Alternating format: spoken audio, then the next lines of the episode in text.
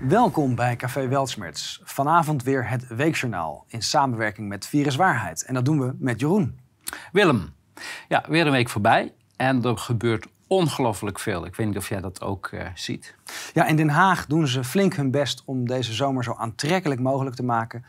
Elke dag is er wel een evenement waar je naartoe kan gaan. Ja, in ieder geval eh, kan je af en toe ook nog lachen. eh, als je het niet Precies. serieus neemt. We zouden het bijna jammer vinden dat ze op reces gaan. Want they go out with a bang. Als Ja. we hiernaar kijken... Het, het, het hing al de hele tijd in de lucht. Zijn we nou wel een dictatuur of zijn we geen dictatuur? Het is nu duidelijk. Het is nu duidelijk. En Paul van Menen, een goede plaatsvervanger overigens hè, voor eh, onze Voor Vera Bergkamp. Voor Vera Bergkamp. Eh, hij kan het net zo goed als zij eigenlijk. Ik vond hem eh, sterker. Ik vond hem echt zo dictatoriaal, autoritair. Eh, dat, dat maakt het ook duidelijker voor de, voor de minder bewuste kijkers. Je, je, je zag ook dat eh, dit eh, Mark... Ho- hoe heet hij nou? Eh, Marcus Sower? Ja, ik, Ja. altijd een moeilijke naam heeft Ja. hij. Je zag hem ook ehm, dat hij wist niet goed raad ermee, hè? Want hij was echt. Hij, hij was echt verrast. Ja. Ja. Ik denk niet dat ze het met hem hadden afgesproken van tevoren. Nee, dat geloof ik ook niet. Maar het was natuurlijk een, een, een ongelofelijke schetsvertoning. En ik ben blij dat hij zich herpakte en zegt: Nou, ik blijf gewoon staan. Ja. En het is één keer eerder gebeurd, ik heb het even opgezocht. ehm, en dat is echt al heel lang geleden. En dat was eh, dat een Kamerlid hebben ze toen, eh, die ook het woord ontnomen werd, hebben ze toen door de politie laten afvoeren met vier man. Maar dat is één keer eh, gebeurd. En, maar ik denk dat ze er een gewoonte van willen gaan maken, zoals ik dat zag. Want als de uitdrukking van dit is een, ik vind dit een eng kabinet. Of, Ja, eh, wat- ik vind wat- het een enge ministersploeg. enge die dit, die dit beleid voert. Hij heeft het al afgezwakt en zelfs dat was nog te ver. Maar dan, dan komen we hier dus in het onbetamelijke. Oftewel, er is geen vrijheid van meningsuiting in een gremium waar het bij uitstek beschermd is. Ja, hè? en- Eigenlijk kan je, of zou je in de Tweede Kamer meer moeten kunnen zeggen dan in het openbaar. Ja, alleen het is andersom. Eh, omdat sinds, ik meen 1919 of 1911, eh, ro- rond die datum, ik eh, pin me niet op die datum vast... eh, is het zo dat de Kamervoorzitter mogelijkheden heeft om sancties op te leggen. En het probleem daarmee is dus dat je geen rechter hebt die toetst... maar een Kamervoorzitter die helemaal niet weet wat de wettelijke grenzen zijn... En die gaat dan maar een beetje op de onderbuik. geluk. Ja, op goed geluk. Van. Ja. En het probleem is, eh, wat je nu hebt, is dat de fatsoensnormen zijn enorm aan het verschuiven. Hè. Als je niet het narratief ondersteunt, ben je niet fatsoenlijk. En dan zeg je al heel snel in hun ogen lelijke dingen. Ja, en, da- en dat maakt het zo eh, fijn dat het daarmee zo zichtbaar is. De fatsoensnormen zijn puur subjectief geworden. En dan kom je bij het grote gevaar van een democratie zonder constitutie. Namelijk de dictatuur van de meerderheid Ja, over Ja. de minderheid. Dus als de meerderheid van de Kamer vindt dat eng niet acceptabel is, is het niet acceptabel. Hoe in plaats van het eh, eh, wettelijk toetsen. Maar hoe kwalificeer je een regering die noodbevoegdheden inroept zonder dat er noodtoestand is? Dat vind ik eng. Dat het eng betekent angstopwekkend. Ja, ik, ik vind het fijn dat eh, Gideon van Meijeren daarna nog eventjes heeft gecorrigeerd. Dat is niet eng, dat is veel te zacht. Ja. We hebben, moeten het hebben over tyranniek. Precies, ja. Eh, dan ga- komen we waar het eigenlijk over ging. Hè? Ja, want dat is natuurlijk weer. Nou hebben we een heel opstootje over het woord eng. Maar het gaat over een heel fundamenteel debat.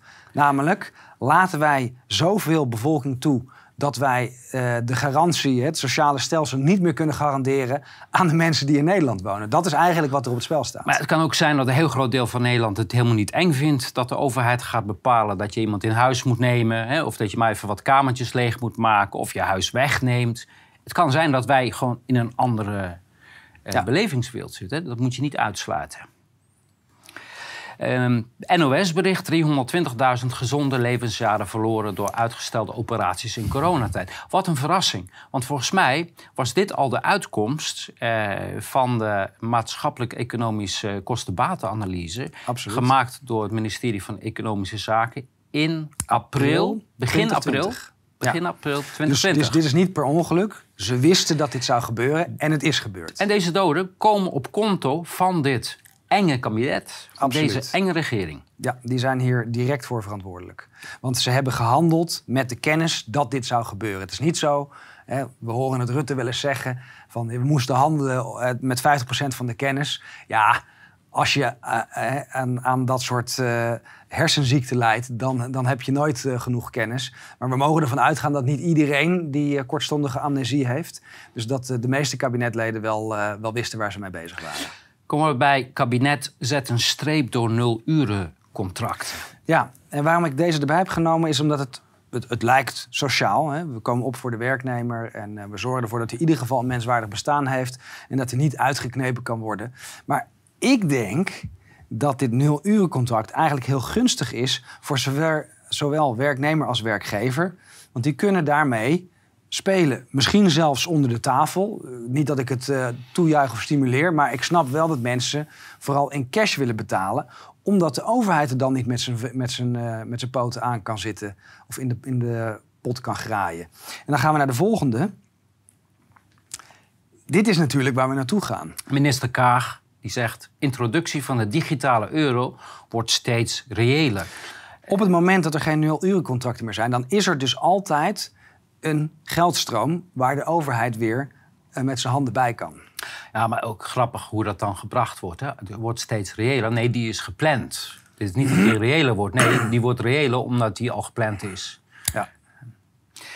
Uh, ja, ook een mooi uh, voormalig NPO-baas Rijksman verzuimde melding privévakantie met staatssecretaris Dekker. Even duidelijk, zij is geloof ik een uh, prominente D66er. Ja, dat is correct. En uh, Dekker, van welke partij was hij ook alweer? Ik denk dat het van de VVD is. Um, staatssecretaris Dekker ligt natuurlijk ook onder vuur. Komt veel voor in het dossier Huig Plug. Avicenna College, daar heeft hij fraude gepleegd door documenten te antidateren, zodat het college alsnog de subsidie binnen kon krijgen waar het eigenlijk geen recht op had. Dus dit soort ja, uh, beroepscriminelen die, die, die verkeren met elkaar. Maar ze, nou, ze liggen letterlijk met elkaar in bed. Ja. Dus uh, het, het is ongelooflijk dat D66 geen enkele week zonder schandaal doorkomt. Waarom elke vrouw, ook jij, de abortusuitspraak in de VS gaat voelen. Ja, dit soort uitspraken, dit is weer afleiden van waar het eigenlijk over gaat. Uh, het enige wat er is uitgesproken door het uh, Hoge Rechtshof is dat die bevoegdheid bij de staat ligt. Dus elke staat bepaalt dit. En, en dit is het moreel maken van de discussie. Het constant, als er geen argumenten zijn, dan moeten we het moreel maken en jou daar uh, ja, slachtoffer of verantwoordelijk Nou, het gaat nog wat verder. Het wordt een soort um, onderdeel van een. een, een, een uh, hoe zeg je dat? Uh, hoe, hoe, ga je dat zeggen? Het wordt op een voetstuk gezet alsof abortus een grond, een mensenrecht ja. is. Wat. wat ja, daar, kijk, nogmaals, ik, ik, ik vind dat iedereen dat voor zichzelf moet weten. Maar het feit dat dit um, als, als een soort onderdeel van een religie. Ja, ja dat, zo, zo is ja. het. Ja. Het, is een, het is een bepaalde cultus. Ja. En dan over minister van Justitie en Veiligheid. Um, zij wil dat de boeren actie gaan voeren op, op een manier en dit niet andere mensen in de problemen worden gebracht. En supermarkten die zeggen dat ze al tientallen uh, miljoenen euro's aan schade hebben te, uh, geleden. Het is wel vind... knap, hè, deze vorm van gaslighting. Als we even twee jaar teruggaan. Ze wisten dat het enorme schade en maatschappelijke schade zou doen. Toch hebben ze voor die lockdowns en al die niet werkende maatregelen gekozen. Ze hebben daarmee honderden miljarden schade berokkend aan de Nederlandse maatschappij.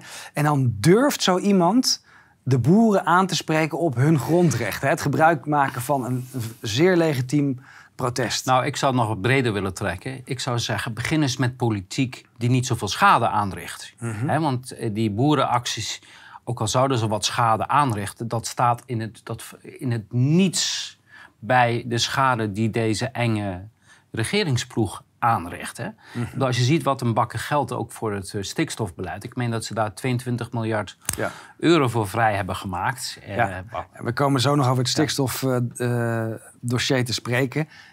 het is nog ridiculer dan COVID-19. Absoluut, ja. En ehm, ja, over de, een, een schietende het... politieagent ja. op, op een tractor. Hoeveel schoten zijn er af? Ja, het zoveelste schietincident. En er wordt wel eens gedaan van ja, dat zijn enkele eh, agenten die Nee. overwerkt zijn. Nee, hoe dit gaat, en we hebben dat al gezien bij de gemeenteraadsvergadering eh, met Van Zanen in Den Haag. Hè, de geweldsinstructie, daar gaat hij niet over. Dat ligt bij het OM. Er is absoluut tussen het OM en de politie van tevoren een afspraak geweest. Wat doen we in een situatie dat we eh, geen overzicht of geen, geen overwicht hebben? Use any force necessary. Precies. Dit is absoluut ge- gecommuniceerd vanuit het OM. Daarvoor waren er te veel losse incidenten, Ja. eh, omdat het anders... Want, want hier is dan gericht geschoten, maar er zijn waarschuwingsschoten geweest. Dit is denk ik de vijfde keer sinds de coronatijd. Hè. Ne- Neem eh 14 maart 2021, toen werd er een waarschuwingsschot gelost. Het is eerder gebeurd met Cambuur in, eh, in Leeuwarden. De koopgrootrellen. Dit moet normaal worden. Hè? We moeten dit Precies. normaal gaan vinden. Oh ja, als de politie Precies. er is, dan moet je er rekening mee houden dat Dus- er een kogel eh, om je oren vliegt. Ja, die agent moet natuurlijk vervolgd worden. En heel raar dat het nog niet is gebeurd. Eh, maar daar moeten we niet bij laten. En ik wil mensen constant blijven wijzen op het rapport van Niels Meltzer... waarin die heel duidelijk stelt... als politici en verantwoordelijken hi- dit goed blijven keuren... dan moeten zij zelf vervolgd Nee, maar dat moeten ze sowieso al. Ja. En dat zegt Niels Meltzer Ja. ook. Eh, niet alleen de agenten, eh, de mensen die, die het geweld eh, Nee, maar ook, toepassen, ook hun superieuren. hun opdrachtgevers. Maar ja. hij neemt nog een stap verder. Op het moment dat politici of ministerie weigert te vervolgen en het goed praat, zouden zij ook onderzocht moeten worden. ja. Nou, dit is... Dit is Jouke. Ja, en iedereen kan zien het kogelgat dat zit op ter hoogte van zijn... Hij had dood kunnen Hij zijn. had dood kunnen zijn. Ja. ja. Dus dit was een poging tot, tot moord. Want er Tot is gericht gesloten. Eh, Ja, tot doodslag. Dan mag jij uitleggen wat precies het verschil daartussen is. Nou ja, moord is voorbedachte raden. Hè, dat, je van te- eh, dat die Ja. agent 's ochtends van huis weggaat en zegt... ik ga vandaag eh, iemand door zijn hoofd schieten. Ja, maar dat onderzoek is nog niet geweest. Nee, dat is waar. Dus we Maar- weten het nog niet. We moeten uitgaan van het ergste en dan kan het meevallen. Dat is waar.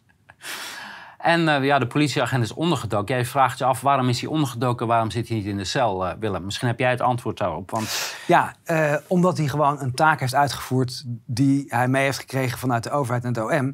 Hij is daar misschien iets te enthousiast mee om, omgegaan. En wat het grootste probleem is, er zijn beelden van.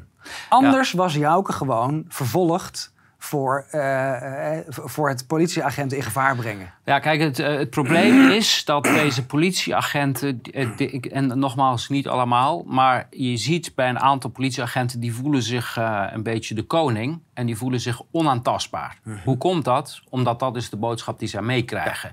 En daar kunnen ze zelf, hè, kan je daar wat aan doen? Ja en nee. Maar eh, deze mensen die lopen op een gegeven moment wel tegen een deur aan. Want eh, zij voelen zich op dat moment onaantastbaar. Ja. Maar je ziet, eh, ze zijn niet onaantastbaar. Nee, en deze gaat er ook niet meer wegkomen. Het OM zal een onderzoek moeten instellen. Daar ontkomen ze niet aan. En ik denk zelfs dat hij niet gaat ontkomen aan een lichte straf.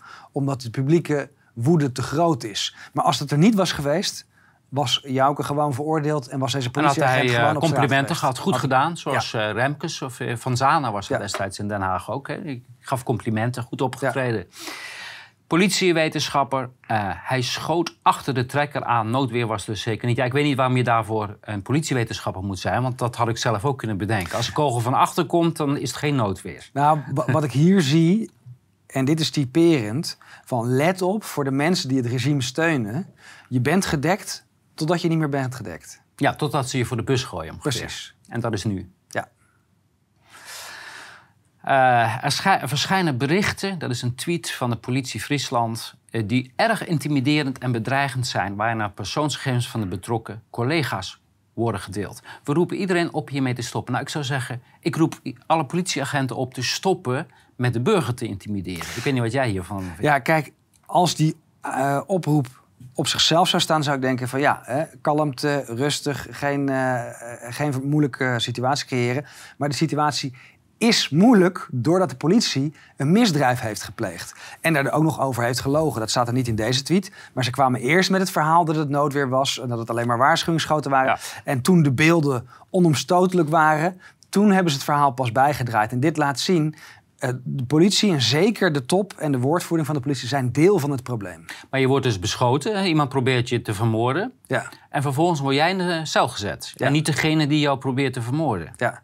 De take-home message is: filmen werkt. Alles filmen, Ja. wij zijn de nette mensen. En verspreiden natuurlijk. Ja. Dat vinden ze heel vervelend, maar eh, dat moeten we gewoon blijven doen. Hier Eh, weer de politiek. Ze maken het nog bonter. Ja, we we hebben het net over Marcus Sober gehad. Maar kijk, als de politie op, eh op minderjarigen schiet, niet uit noodweer, dan is dat geen debat Nou, geen debat maar als een 70-jarig oude buurvrouw aanbelt bij een, eh, eh, bij een, een Kamerlid, ja, dan moeten we daar een spoeddebat over hebben, Jeroen. Ja, maar het kan heel intimiderend zijn hoor. als er op zo'n zo'n oudere dame aan Ja. je deur staat. Ik, kan me voorstellen, je bent net je met je gezin binnen en ineens keer komt daar iemand die wil een gesprek met je voeren. Ja. Vooral als je wat te verbergen hebt, zou ik zeggen. Dan voelt dat erg intimiderend. Steeds meer mensen krijgen apenpokken. RIVM ziet een nog snellere stijging. Nou, het is echt, de nood is weer aan de man, eh, Willem. Want tot nu toe is bij 352 mensen het virus vastgesteld. Het, het Virus vastgesteld. virus hè? Niet- vastgesteld. ze zijn niet ziek. Ze zijn niet Virus- ziek. Nee. Ja, dus ook hier weer, dit, dit is wat Van Ranst in zijn eh, eh, 2019-praatje eh, voor One Health heel duidelijk heeft gemaakt. Je gebruikt gewoon superlatieven, laat de rest weg, focus je op een paar cijfers en je hebt man- mensen bang. Zo, zo Maar ik mis nog de tellers overal. Hè, ja, hoeveel, ja hoeveel, die, die, die, komen wellicht nog hoor. En het is ook een beetje een opwarmertje. Deze vind ik ook interessant. Dan de wordt er- Pride Amsterdam vormt een Ja. extra risico voor de verspreiding van het apenpokkenvirus. Ja, ehm, de LGBTI-community die is natuurlijk eh, naar voren geschoven om als ambassadeur voor de woke-beweging op te treden. Eh, toch zouden zij wel eens onder de bus gegooid kunnen worden. En dit is wat je constant ziet. Let op, als je als voorloper bent, dan ben je, als het regime eenmaal zijn zin heeft gekregen, een liability en word jij opgeruimd. Maar het feit dat je apenpokken verbindt aan homoseksuelen... ik bedoel, dat heeft op zichzelf ook natuurlijk al een... eh, Het is behoorlijk denigrerend ja, Ja, en precies. stigmatiserend. Dan het goede nieuws of het slechte nieuws. Ja, kijk, sommige mensen zeggen van zie je wel, de corona is nog niet over. Maar wat we hier vooral in zien, dan gaan we naar de zomer. Hè? Juli 2020. Niks aan de hand. Epidemie was over. Dan juli 2021. Midden in de zomer. De prikjes komen. Ja. En we krijgen een lichte verhoging. En nu, juli 2022, iedereen is geprikt, iedereen is ziek. Ja. Jeroen, we gaan er dadelijk nog wat slides aan wijden. Maar we kunnen uit dit plaatje halen dat de, de prikjes niet alleen schandalig mislukt zijn, maar chronisch zieken hebben gecreëerd. Ja. En eh, de Gelderlanders, ja, de, de media, die gaan door weer met het Ja. eh, angstzaaien en het, eh, het, het ophetsen van mensen.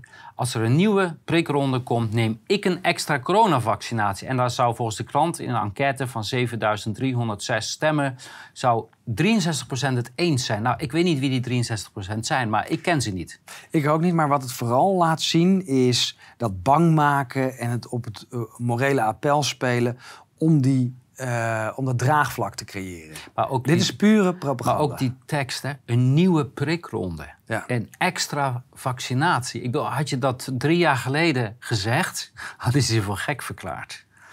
Komen we bij eh, propaganda en censuur.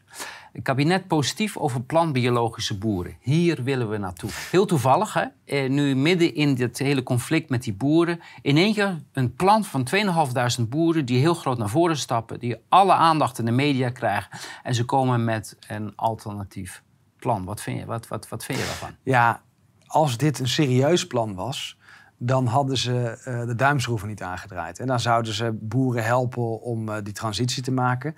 Want wat is er nou eigenlijk gebeurd? Boeren hebben al heel veel geïnvesteerd in het reduceren van die uitstoot van, eh, eh, eh, van ammoniak in dit geval. En opeens is het toch niet genoeg. Hè? Dus ze, ze zijn is- echt heel hard bedrogen. Herkenbaar, hè? Ja. Oh, je hoeft maar één spuitje te nemen of twee en dan ben je Ja. klaar. Hè? Dan ben je weer vrij. Heb je die genomen?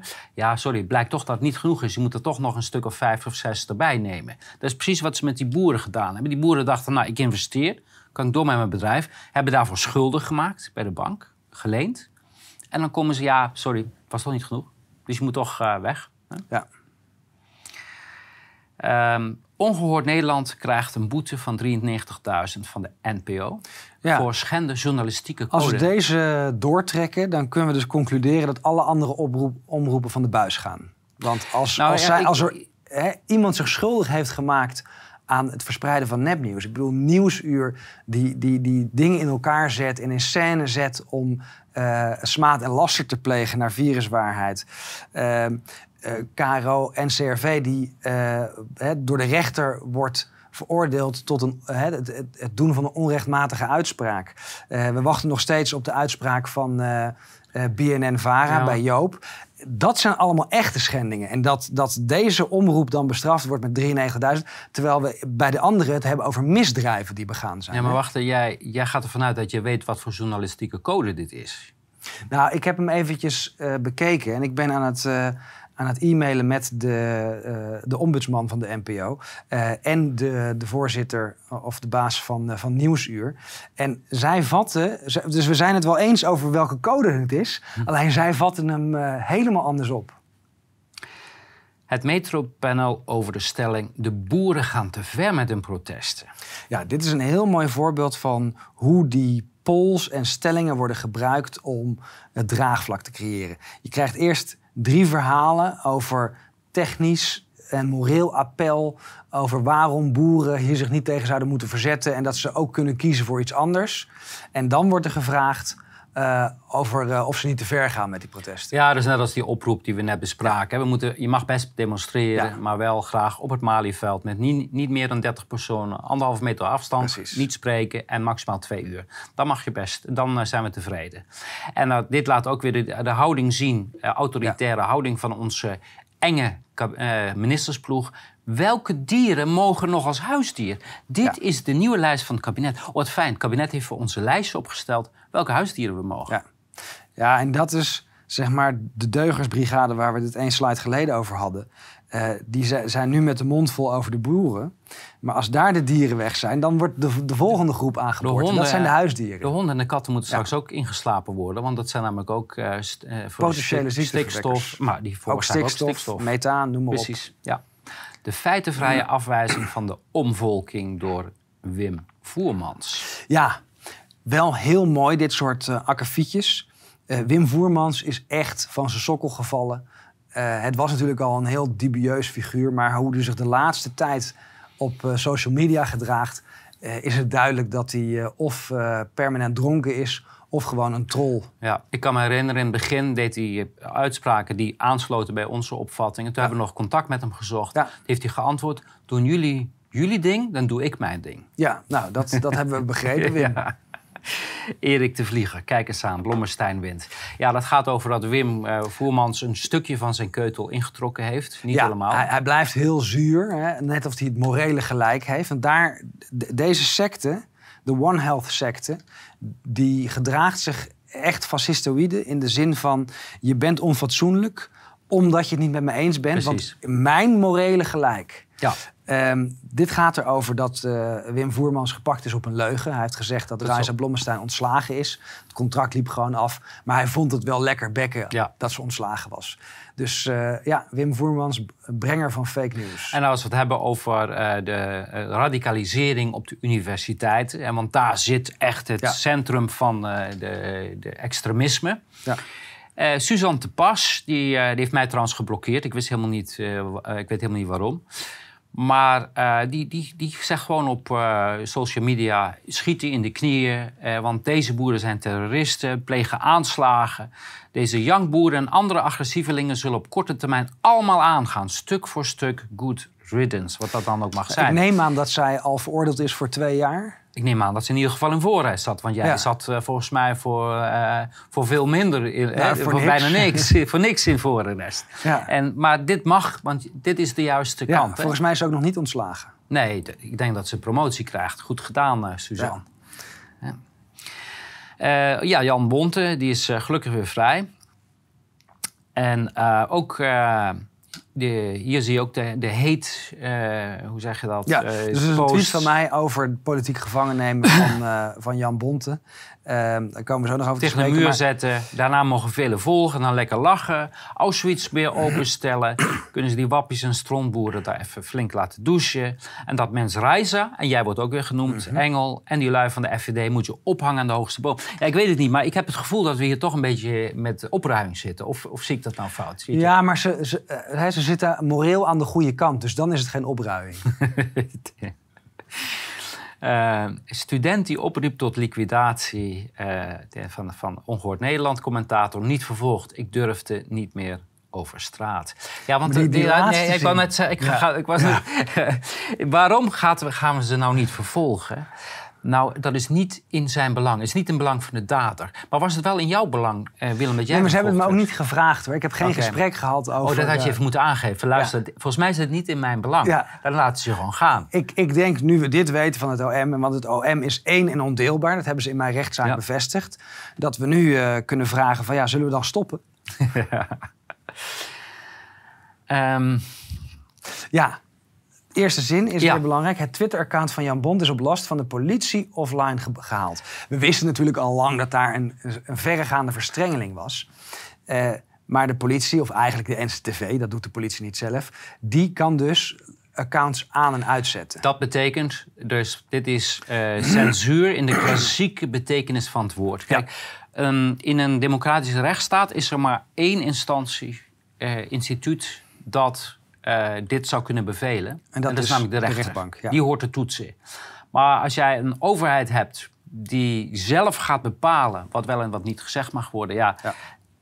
On, uh, nee, en dit, dit heb ik natuurlijk ook in mijn dossier al naar voren gebracht.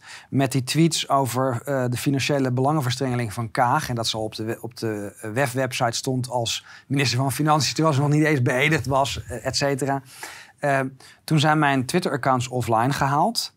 En op het moment dat de, de zaak ging lopen, zijn ze weer teruggeplaatst. Dus hier weten we ook zeker, ze hadden nog niks. Ze dachten van, laat Willem maar twitteren, want misschien doet hij nog wat waarmee we een zaak kunnen maken. Dus ook in die zaak heel duidelijk het aan- en uitzetten van mijn Twitter-accounts gebeurt direct op het instigeren. Ja, het heeft dus meerdere lagen. Ze kunnen ja. niet alleen aan en uitzetten, maar dit is, daar gaat dit volgende bericht over van ja. Newsweek. Dat uh, er is naar buiten gekomen dat het Pentagon heeft maar liefst 60, een leger van 60.000 uh, burgers. Of wat, hoe, hoe wil je dat noemen? Zijn burgers? Ik weet het niet. Uh, ja. Cyberdaders zou je kunnen zeggen. En die zijn bezig met verstoren en opsporen van andere cybercriminelen. Ja, dat is het verhaal zoals het verkocht ja. wordt. Maar waar houden ze zich echt mee bezig? Met trollen. Met, ja, dus we kunnen ervan uitgaan dat we in Nederland Bedreigen, ook duizend of een paar duizend mensen hebben ja. die signaleren, die sfeer creëren en die uitlokken. En dat is ook een vraag in mijn zaak van welke van al die accounts die zich bezighouden met mijn social media is eigenlijk in dienst van de overheid. Ja. En dan kom je bij Snowden uit, hè, die ja. ook uh, gevlucht is omdat hij misdrijven heeft uh, onthuld, net als uh, Jan Bond dat deed. En hij, uh, ja, een waarheid natuurlijk wat hij zegt. Uh, als het uh, onthullen van een, of het openbaren van misdaden, als jij dan ja. behandeld wordt als een crimineel, dan word jij dus geleid door criminelen. Ja. ja. Om nog eventjes de, de link te maken met Assange. Dit is precies wat Assange heeft gedaan. En dat vinden ze heel vervelend. Dan gaan we naar de volgende. Want wat doet uh, uh, Jan Bonte, die is weer vrijgelaten. Um, en die vraagt om zoveel mogelijk van die filmpjes op te sturen ter verdediging. Want hij vindt, en wij vinden met hem, dat hij een legitiem punt maakt. Het is niet toegestaan om op deze manier anoniem rellen uit te lokken. En dat is precies wat die Romeo's doen. Dus when exposing a crime becomes a crime, waarvoor is hij opgepakt? Niet dat hij iets strafbaars heeft gedaan, maar omdat hij iets strafbaars heeft aangetoond. En dat is het positieve van de afgelopen week. Ik denk dat heel groot gedeelte van Nederland meegekregen heeft uh, waar onze uh, politie zich eigenlijk mee bezighoudt. Dat hij bezighoudt met het terroriseren van burgers door knokploegen, anonieme knokploegen, die zich mengen ja. en burgers mishandelen, intimideren. Uh, en dat vinden ze natuurlijk vervelend dat dat nu exposed wordt. Hè? Want mensen ja. hebben er nu oog voor gekregen. Oh ja, dit zijn, die, deze moet ik in de gaten houden, die moet ik filmen. En ik roep ook iedereen op, blijf ze filmen, blijf ze exposen. Want dit zijn geen politiemensen. Hè? Nee. Ze, ze, zijn ook niet als zodanig herkenbaar. Nou, dat, dat is een heel belangrijk punt. We kunnen ze niet identificeren. Ze hebben geen nummer. Ze identificeren zich niet. Ze hebben gezichtsbedekking. En ze begaan misdrijven. Dan zijn het ten eerste criminelen. En misschien zijn het politieagenten. Nou, ze zijn sowieso een ambtsmisdrijf nou, plegen. Maar... Precies. Want volgens uh, de, de Venice Commission... die heeft uh, die, uh, die, die regels op, die, die richtlijnen opgesteld... heel duidelijk dit mag nooit. Enige reden om anonieme politieagenten in te zetten is om met specifiek onderzoek, specifieke mensen. Ja. eh, en Dus niet het inzetten van Romeo's bij demonstraties is eigenlijk helemaal niet toegestaan. Maar het, het is, eh, het is wel een geruststellende gedachte dat we hebben in Nederland heel veel oplettende mensen die dat graag even melden bij de politie. Ik heb al een suggestie gedaan. Het nummer 0800 NSB is nog steeds vrij. Dus ik zou zeggen, open dat voor mensen, iedereen die informatie heeft. En als je, stel, je, je, je stelt vast dat zo'n Jan Bonte gewoon doorgaat, moet je dat kunnen melden. En het is fijn, die politie die is ook dankbaar daarvoor. Die zegt, wij, hebben, wij houden het in de gaten. Ik weet niet wat voor soort politie dit is, maar die zou moeten zeggen: beste, hier willen wij. eh Ja. We hebben hier helemaal geen taak. Eh, ja, Jan Bonte is weer vrij. Ook hier enorm veel druk natuurlijk op de politie eh, uitgeoefend. Dat is waarschijnlijk de reden waarom ze toch niet hebben aangedurfd om hem langer vast te zetten. Ehm, het zou ermee te maken te kunnen hebben dat bij mij het ook niet erg eh, goed is bevallen. Eh, maar ze doen het toch. Ja. En er wordt er net gedaan alsof hij iets fout heeft gedaan. Maar Jeroen, hoe zit dat eigenlijk met doxing? Nou, doxing is nog niet strafbaar. Hè? Dus dat is, want ik las in heel veel eh, media van Ja. ja, eh, het is doc- eh, beschuldigd van doxing. Hij zou zich daaraan schuldig gemaakt hebben. Ja. Eh, maar dat is dus niet zo. Nee, dus, dus wordt hem nu te lastig gelegd dat hij heeft Nee, maar, nee, maar, jij, je- maar jij weet toch als geen ander... je hoeft helemaal geen strafbaar feit Nee. te plegen... om Nee, vast maar te komen te zitten. daar- Kijk, daar wil ik we hebben hier te maken met een marketingorganisatie. Die kijken, wat kunnen we doen, waar komen we mee weg? En op het moment dat je merkt, hey, hier kom ik niet meer weg... dan zeg je, oké, ik laat hem vallen, hop, weer even terugtrekken. Ja. Tot de volgende gelegenheid en dan proberen we het nog een keer. Ja. We bij internationaal. Eh, Duitse minister van Volksgezondheid geeft toe... pandemie van de ongevaccineerden was onzin... en gebaseerd op een softwarefout. Moet je dit eens even eh, op je in laten werken. Nou, er is haat gezaaid Ja. tegen iedereen die niet gevaccineerd eh, was. De ziekenhuizen zouden vol liggen met ongevaccineerden. Nu blijkt dus gewoon een keiharde leugen te zijn. Ja, en dan wordt de software de schuld gegeven. Maar die software is gewoon een gereedschap hoor. Dat zou mooi zijn dat je iemand doodslaat met een hamer en zegt: Ja, je hebt helemaal gelijk, dat is een fout van de hamer. Precies. Ja. Ja. Maar goed, hij is het lachnummer van eh, Duitsland. eh.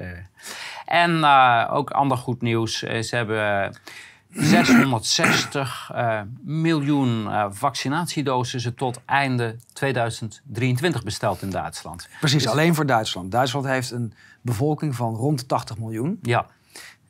Dus die kunnen nog een paar keer prikken. Ja, ze kunnen vooruit. Hè? En dat is ook wel nodig, want ze werken niet. Dus dan moet je er gewoon veel meer voor nemen. Ja.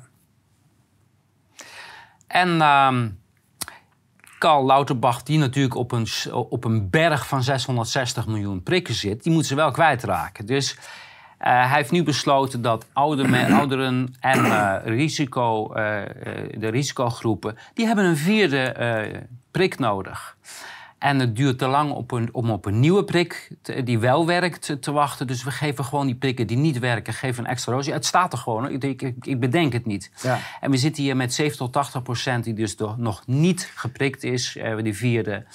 En, Maar hij eh, neemt zijn werk als hofnar wel maar, serieus. Ja, ja, ja. Maar geruststellend is, ze zitten niet... eh, ze, ze- ze zitten niet machteloos toe te kijken. Ze zijn de maskerplicht alweer, of hoe noem je dat, in de, de, Ja. de mondkapjes alweer, plicht alweer aan het voorbereiden. En andere maatregelen worden voorbereid. Ja. Dus zeg, geruststellend dat we zeker weten dat deze winter het zij maken zich zorgen om onze gezondheid. En Ja. ik ben blij dat die staat dat serieus neemt. Hè?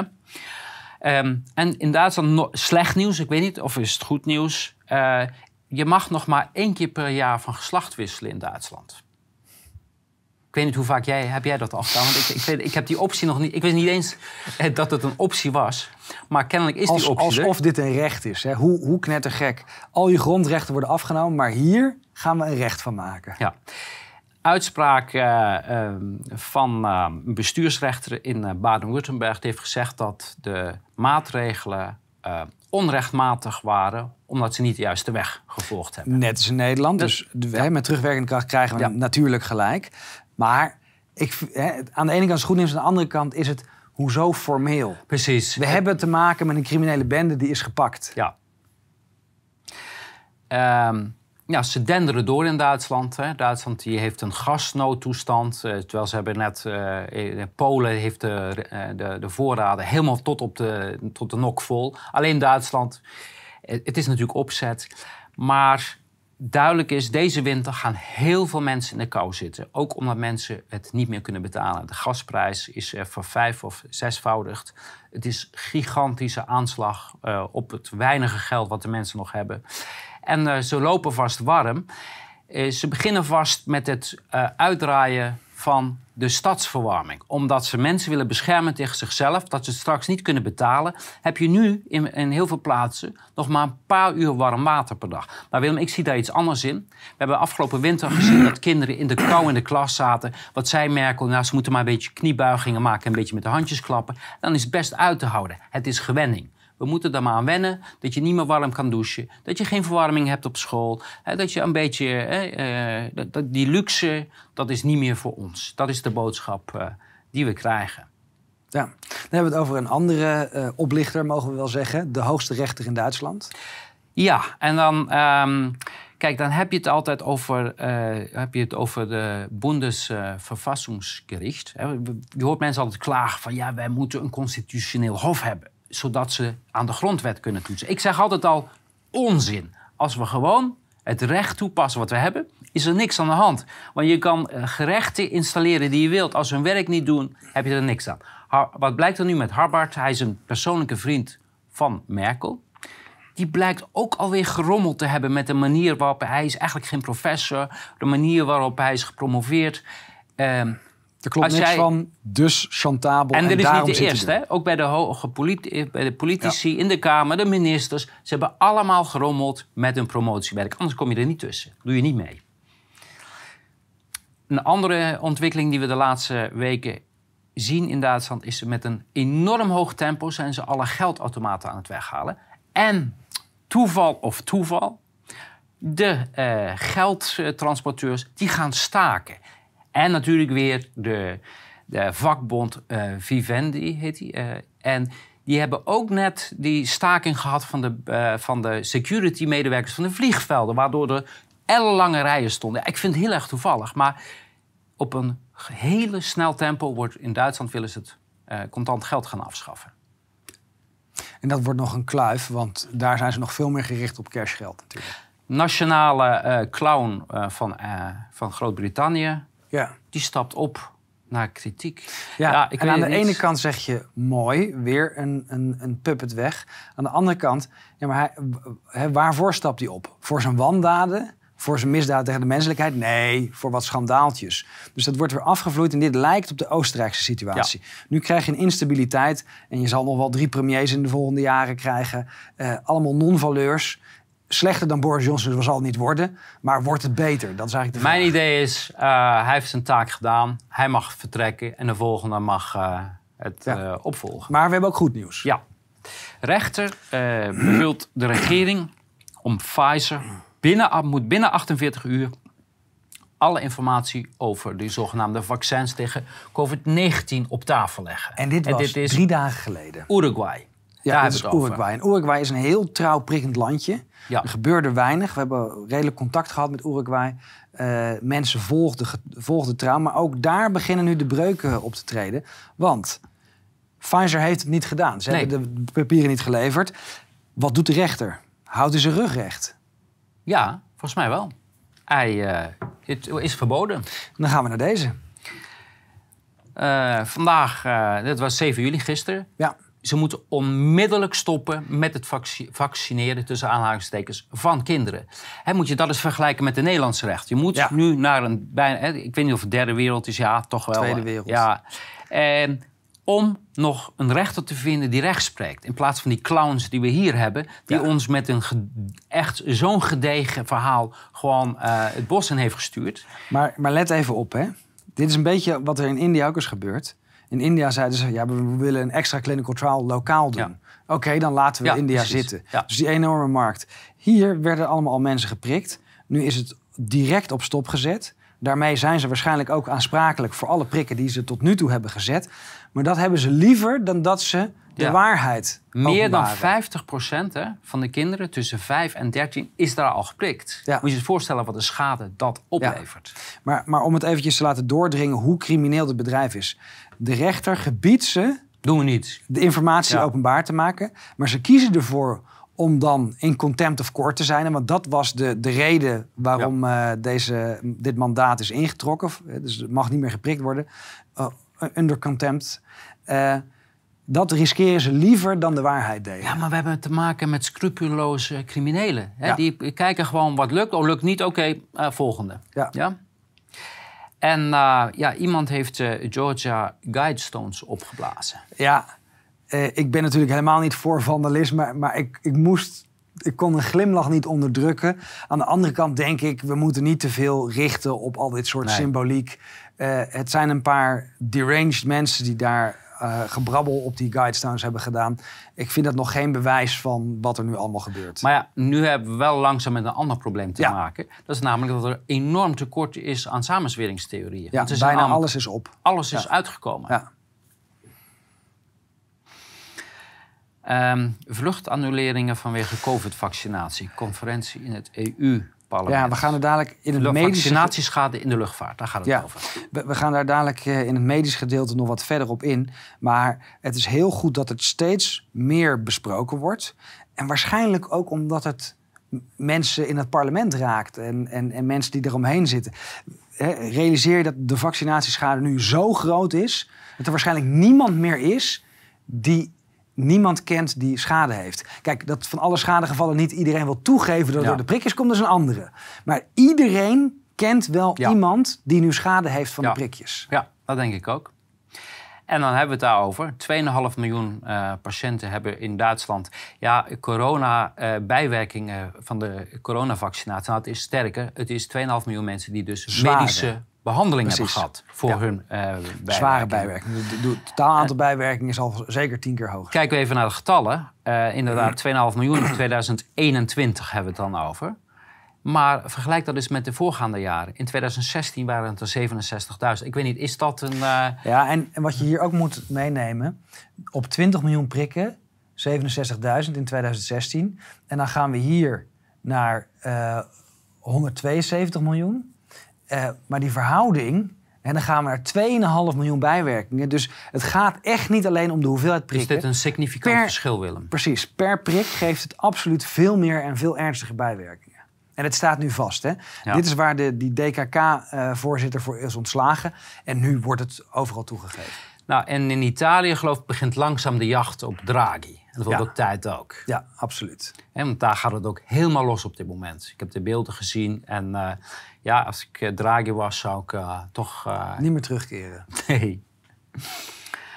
En mensen hebben gezegd, genoeg is genoeg. Een record aantal politiemensen die vindt het mooi geweest in Australië. En dit zien we overal. Ehm, hoe lang, en het, dat is natuurlijk ook het punt, hè, het is super demoraliserend om de burgers, die je eigenlijk zou moeten beschermen, constant moet lastigvallen en in sommige gevallen zelfs moet martelen. Uh, heel veel politieagenten die krijgen dat niet over hun hart. Uh, het morele kompas staat er niet toe en stoppen ermee.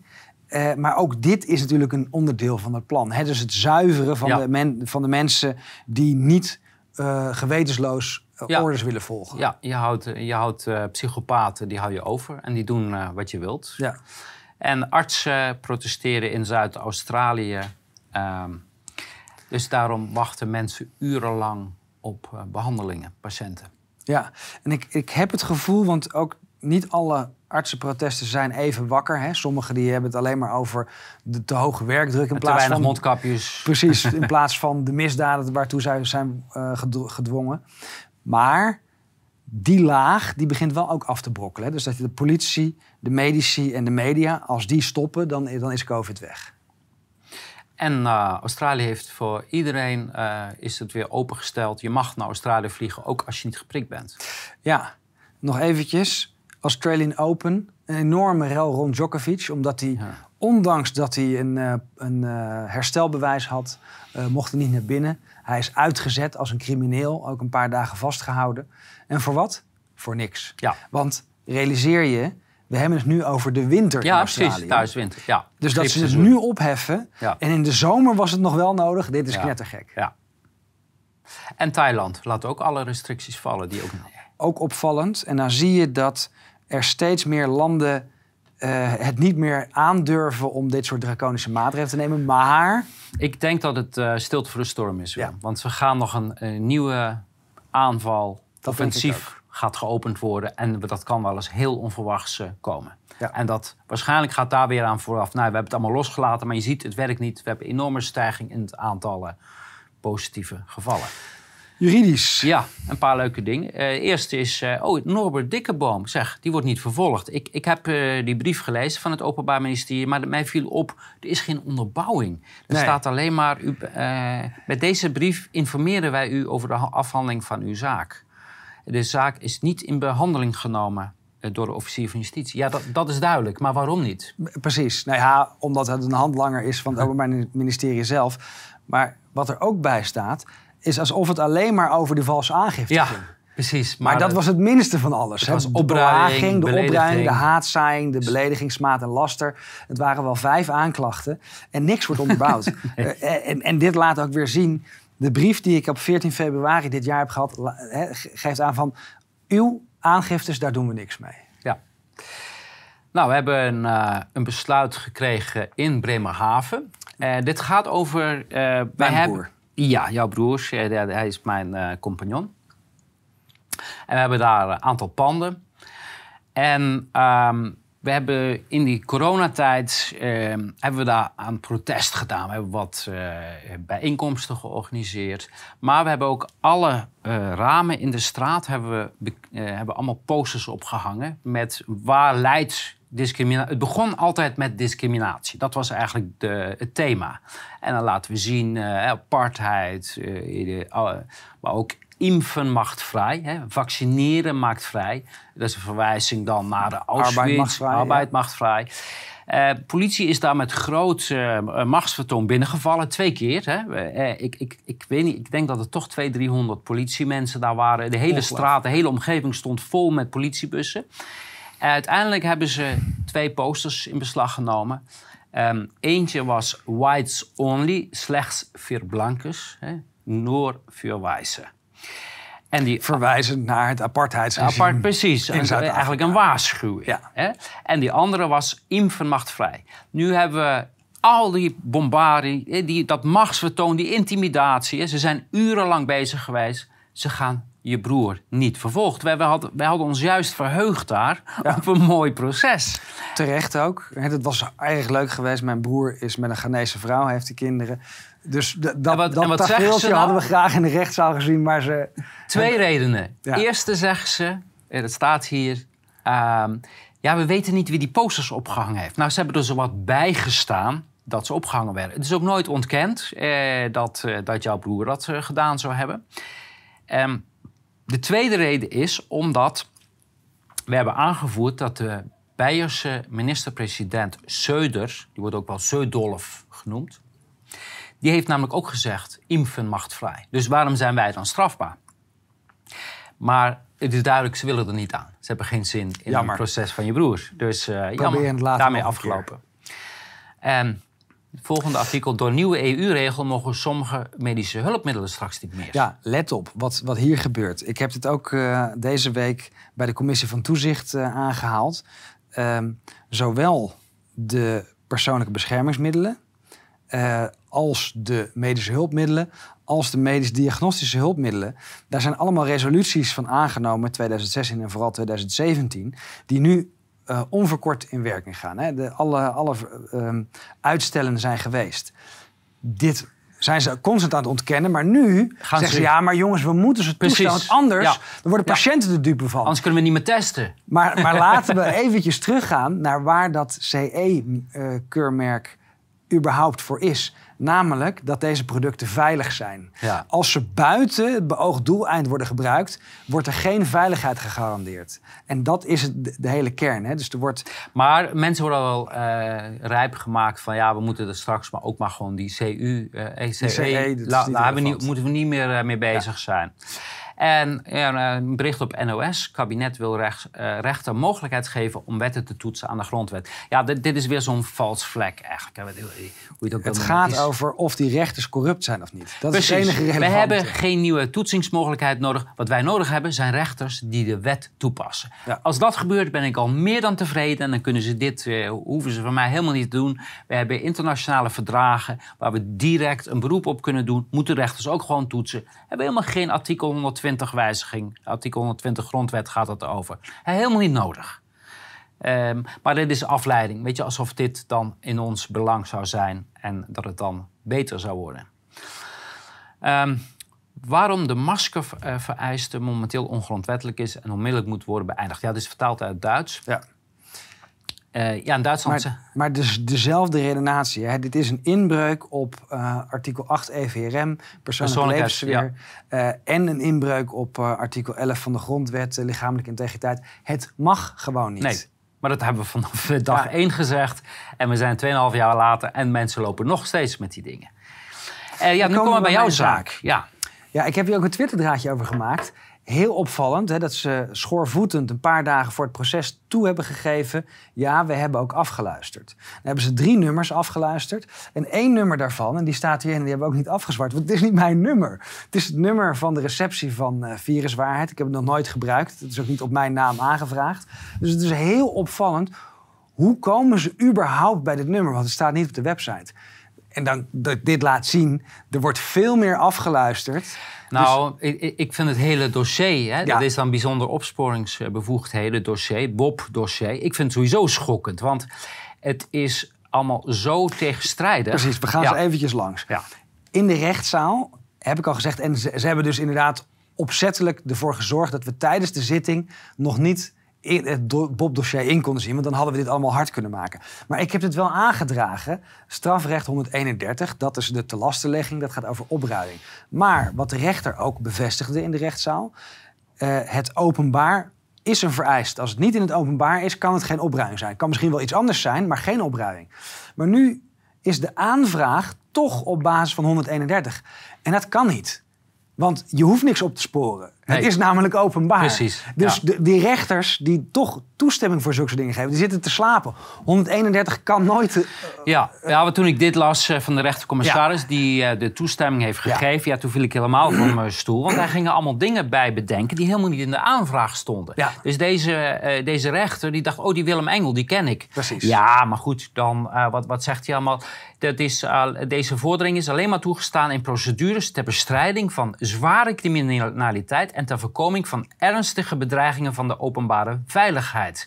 In een Nederlandse context kan hiervoor aansluitingen worden gezocht bij het criterium. Dat gaat over een misdrijf bij, 67 lid 1, wetboek van strafvordering.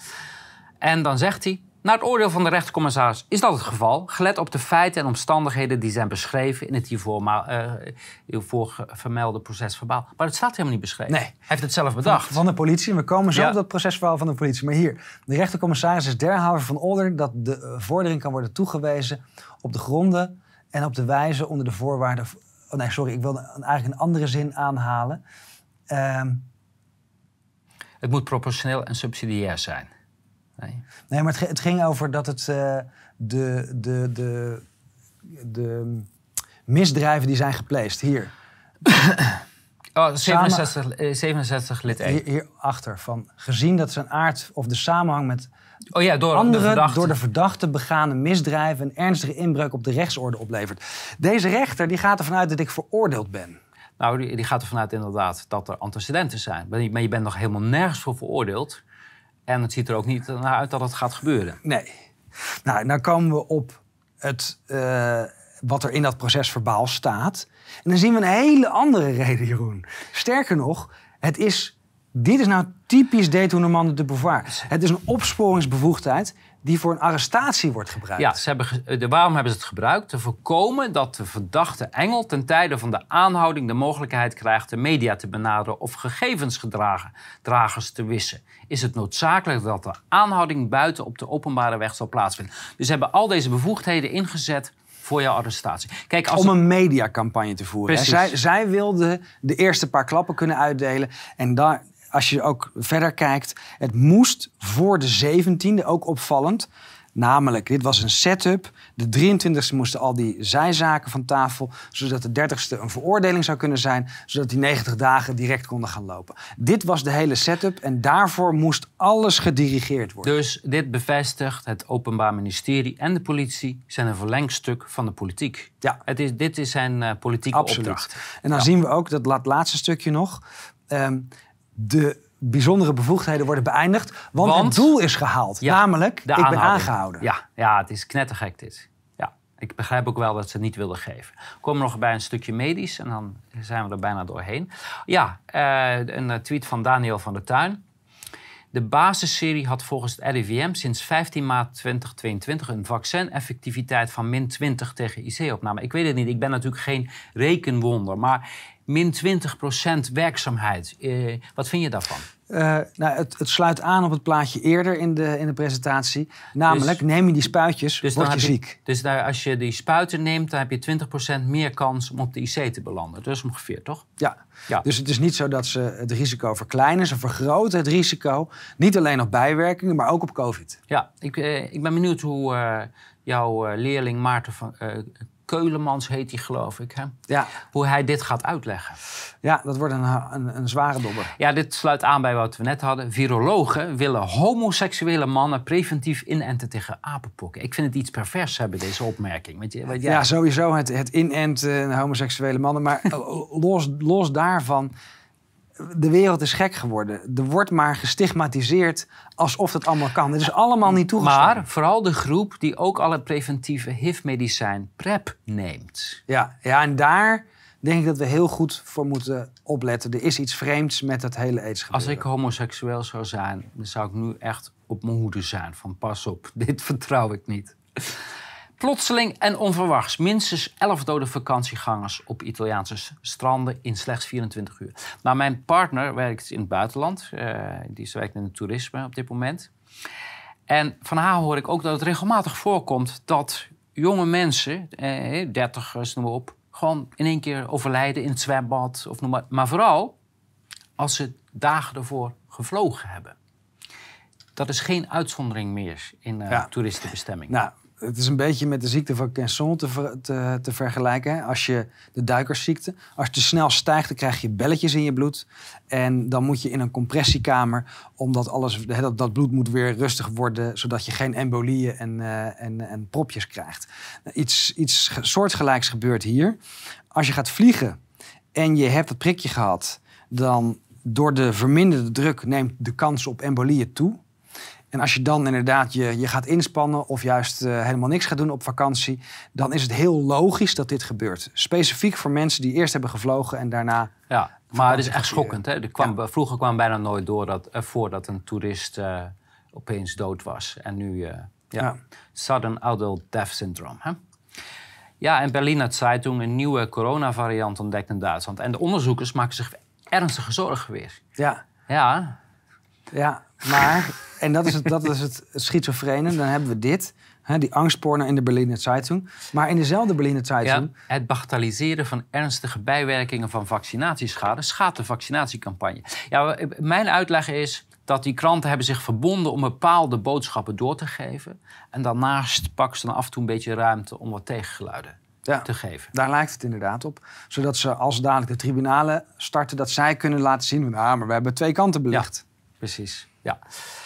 Ja, een eh, Schokkend. comediant die eerst, eh, een, eh, hoe zeg je dat, de antivaxers of hoe je eh, voor gek zetten. Ja, en, en, eh, nu zelf overleden is op 31-jarige of 32-jarige Ja, leeftijd. maar hij heeft kort daarvoor nog een filmpje opgenomen. En eh, dat hij ook toegeeft, dit komt door de prikken, eh, ik ga het nooit meer doen. Tragisch. Ja, heel tragisch en eh, toch overleden. Ja. Ja.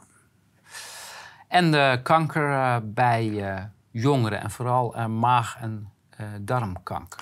Ja, en ook hier weer ga je, ga je rommelen met het immuunsysteem, zet je het uit.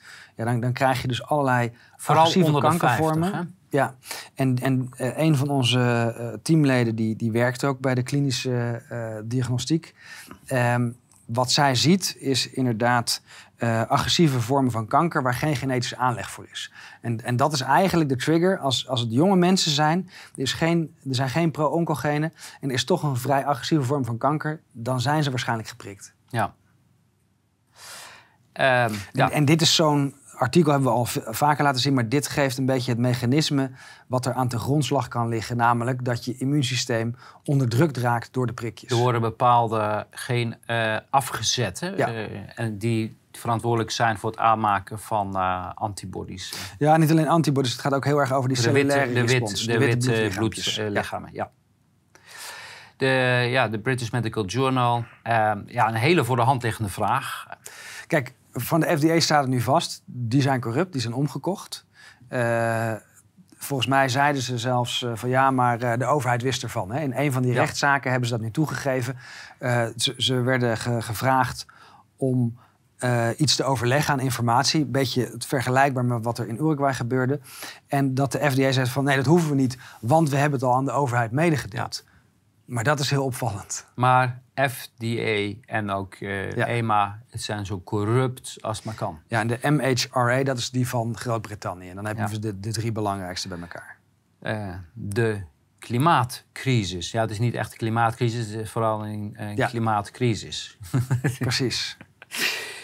Um, ja, eventjes om dingen in perspectief te brengen. Dat hele uh, gezeur over CO2 er is niks bewezen. Het zou kunnen, maar we hebben geen data. En de modellen kloppen sowieso nou, niet. Dus er mogen geen conclusies Zelfs de correlatie klopt niet. Hè? In het verleden blijkt dus dat vaak uh, CO2 kwam nadat de verwarming al plaats had gevonden. Ja. Dus ja, het is, het is een uh, hoax, net als corona ja. een hoax is. Net als stikstof een hoax is. Absoluut. Is. Maar de NASA, die, uh, ik weet, hoe, hoe plaats je dat bericht dat de NASA ineens zegt van ja... ja dit, is... dit is een bericht uit 2019, hè, ja. dus dit is, dit is al wat eerder. Um, ja, kijk, er zullen ook echt wetenschappers bij de NASA werken. Het zijn niet alleen maar marketeers. En als je dan ziet dat de, de zonneactiviteit, de baan rond de zon, de uh, hoek van de as en de, de, en de wobble of de, en de precessie. Dus heb je allemaal onderdelen die veel meer van invloed zijn over hoeveel energie er van de zon wordt opgenomen uh, van de aarde. En dat CO2 eigenlijk een, een, een bijverhaal is. Uh, kijk, eindelijk een, um, een reden om de CO2. Hè, ik, ik, denk, al die andere redenen geloof ik niet. Maar nu in, de, in het AD van wanneer was dat? Uh, in 2011, 2011 al. Kijk, dit is een reden, daar kan je nog wat mee. Hè? Dat je, ja. je, je maakt namelijk buitenaardse wezens boos als je ja. CO2 niet vermindert. Een onzichtbare Kijk, vijand ja. en het moreel maken. Nou, dat is Precies. ongeveer wat de wetenschap nu doet. Ja, en kennelijk hebben we goed werk gedaan, want die buitenaardse wezens die zijn nog steeds uh, niet gekomen, toch? Ja. Nou ja, dat weten we niet. Oké, okay, dat is waar. Misschien zijn, misschien zijn ze er juist wel. Ik kom nog even bij de stikstofcrisis. Je hebt het een beetje uitgezocht allemaal. eh. Ja, kijk, dit is een rapport van de commissie Remkes. En dan snap je misschien waarom die boeren zo verbolgen zijn dat ze een uh, bemiddelaar Remkes krijgen. Nee, Remkes, dat is de genius die dit bedacht uh, heeft. Uh, slavenplan heeft bedacht. Niet alles kan overal. Dit is een politiek pamflet. Wat vooral gaat over dierlijke mest en verbrandingsmotoren. en dan voel je het eigenlijk al aankomen. Uh, 2030 wordt ook als streef, streefjaartal genoemd. Dit is een Agenda 2030 pamflet. Waarbij heel duidelijk wordt gemaakt: we hebben een politiek doel, namelijk de heidebloempjes beschermen. Het is geen reëel doel, het is gewoon gesteld. Want we moeten de boeren aanpakken en de burgers aanpakken. Dan gaan we verder in dat plan kijken. Dan hebben we het over die Natura 2000 gebieden. En dat was daarvoor al, al vastgesteld. Alleen de compensatieregeling die is in 2019 vervallen. Die is on, uh, onwettig gesteld. Een beetje vergelijkbaar met een Urgenda-proces. Dus al die gebieden, daar mag dan die uitstoot uh, niet meer plaatsvinden... of moet met 80 tot 90 procent worden gereduceerd. Dan gaan we naar de volgende. En dit is dan het plaatje. Is een schemaatje, maar ook hier verraadt het weer dat het politiek is. Het gaat hier links bij het groene over de landbouw en rechts over de industrie. Uh, en dan met name natuurlijk de, de, um, de, burger die aan het rijden is. Want die moet dadelijk de hoogste prijs voor betalen. En dan hebben ze het hier over natte en droge depositie. De natte is in het midden en die bestaat echt. Namelijk, als die gassen oplossen, dan reageren ze met elkaar, lossen op in water. En op die manier komt het weer in de bodem. Ammonia is dat? Ja, ammonia en stikstofoxide. En die vormen weer allerlei verbindingen als salpeterzuur, et cetera. Dat is wat we vroeger zure regen noemden. Wat kennelijk toch niet zo'n groot probleem is. Want er is al heel veel gereduceerd. Hè? Dus dit schetst alleen maar de kringloop, nog niet de omvang van, van het probleem. Nee, nog één keer terug. Um, daarnaast zien we twee uh, uh, minder felle pijltjes dat het droge depositie uh, betreft. Maar daar wordt het heel bijzonder. Droge depositie is een beetje de asymptomatische infectie van de stikstofcrisis. Er is geen bewijs voor, alleen maar indirect bewijs. Uh, er wordt ook niet gekeken in de bodem.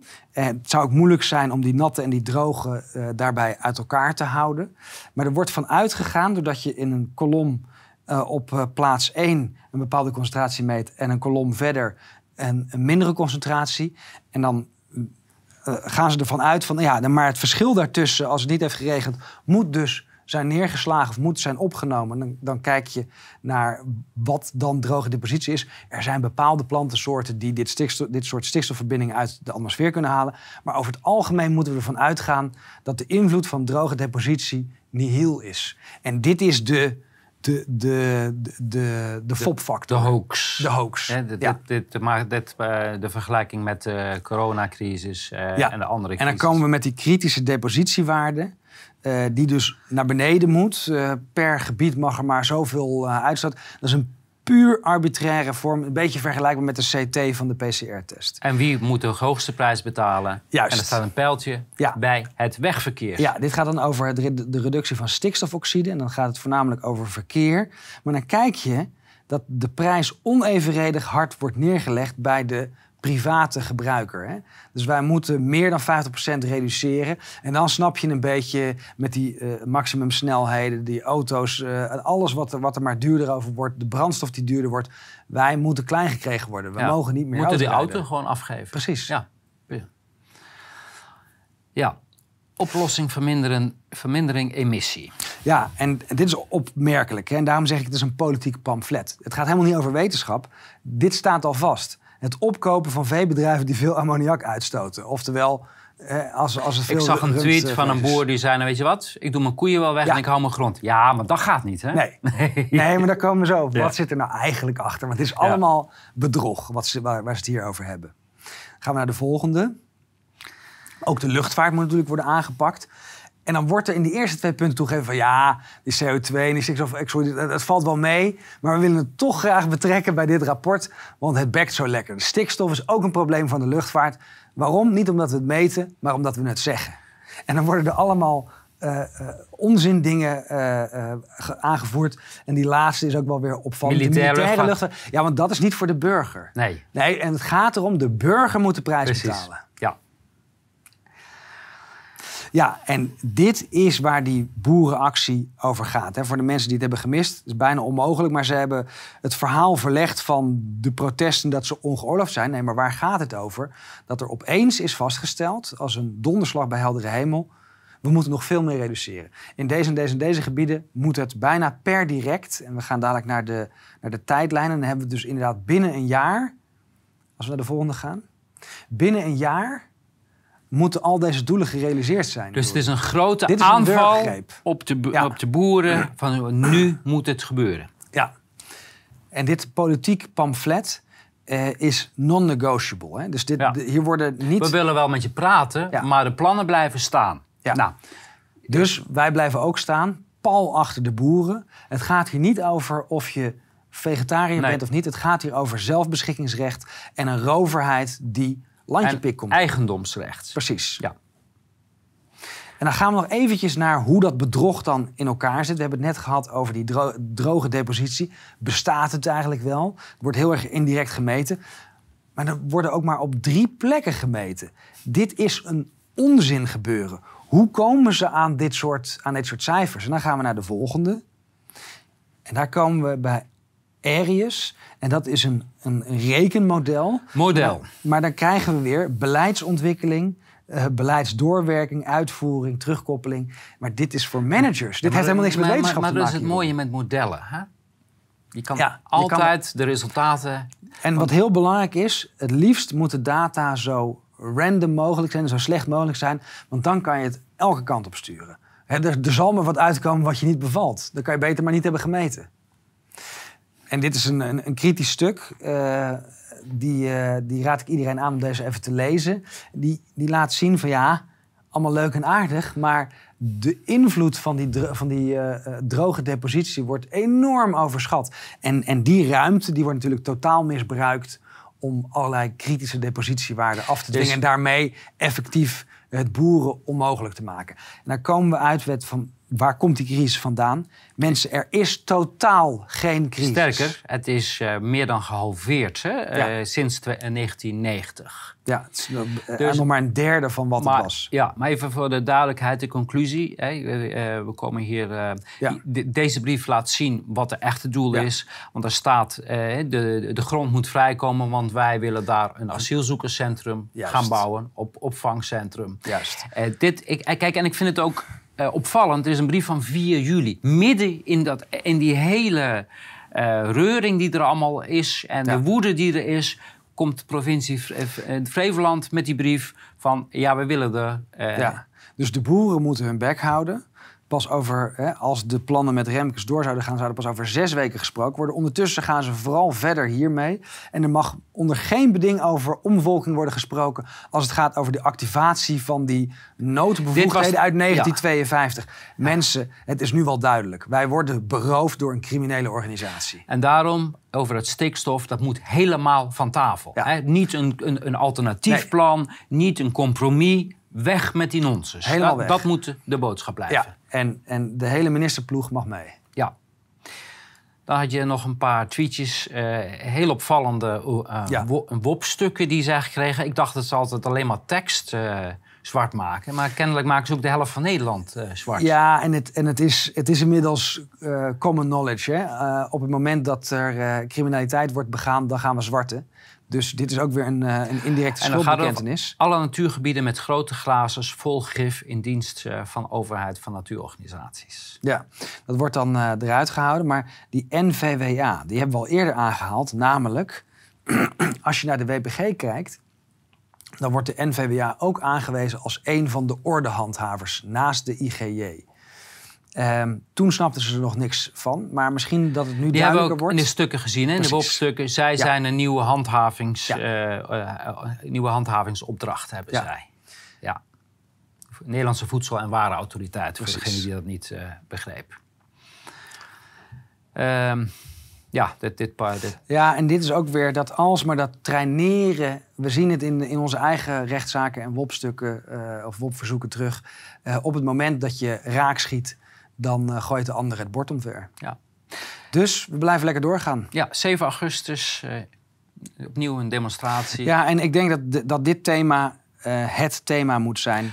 Weg met Rutte, weg met het kabinet. En precies, en dat is een thema waar alle groepen zich kunnen aansluiten. Het is belangrijk dat Van iedereen Groningen tot de vissers, tot de boeren, Maakt niet tot uit tot welke antimaatregelen, hoort. Als de toeslagenaffaire, de, de kindertoeslagen, Precies. noem maar op. Het wordt nu tijd dat Ja. iedereen zich verenigt. Want zolang eh, we allemaal verdeeld blijven en zeggen... ja, met die wil ik niks te maken hebben en ik ben het met die niet eens. Nee, we, We hebben hebben allemaal... maar één probleem. Precies, en dat is deze enge eh, regering, Regeringsploeg. Ja, regeringsploeg.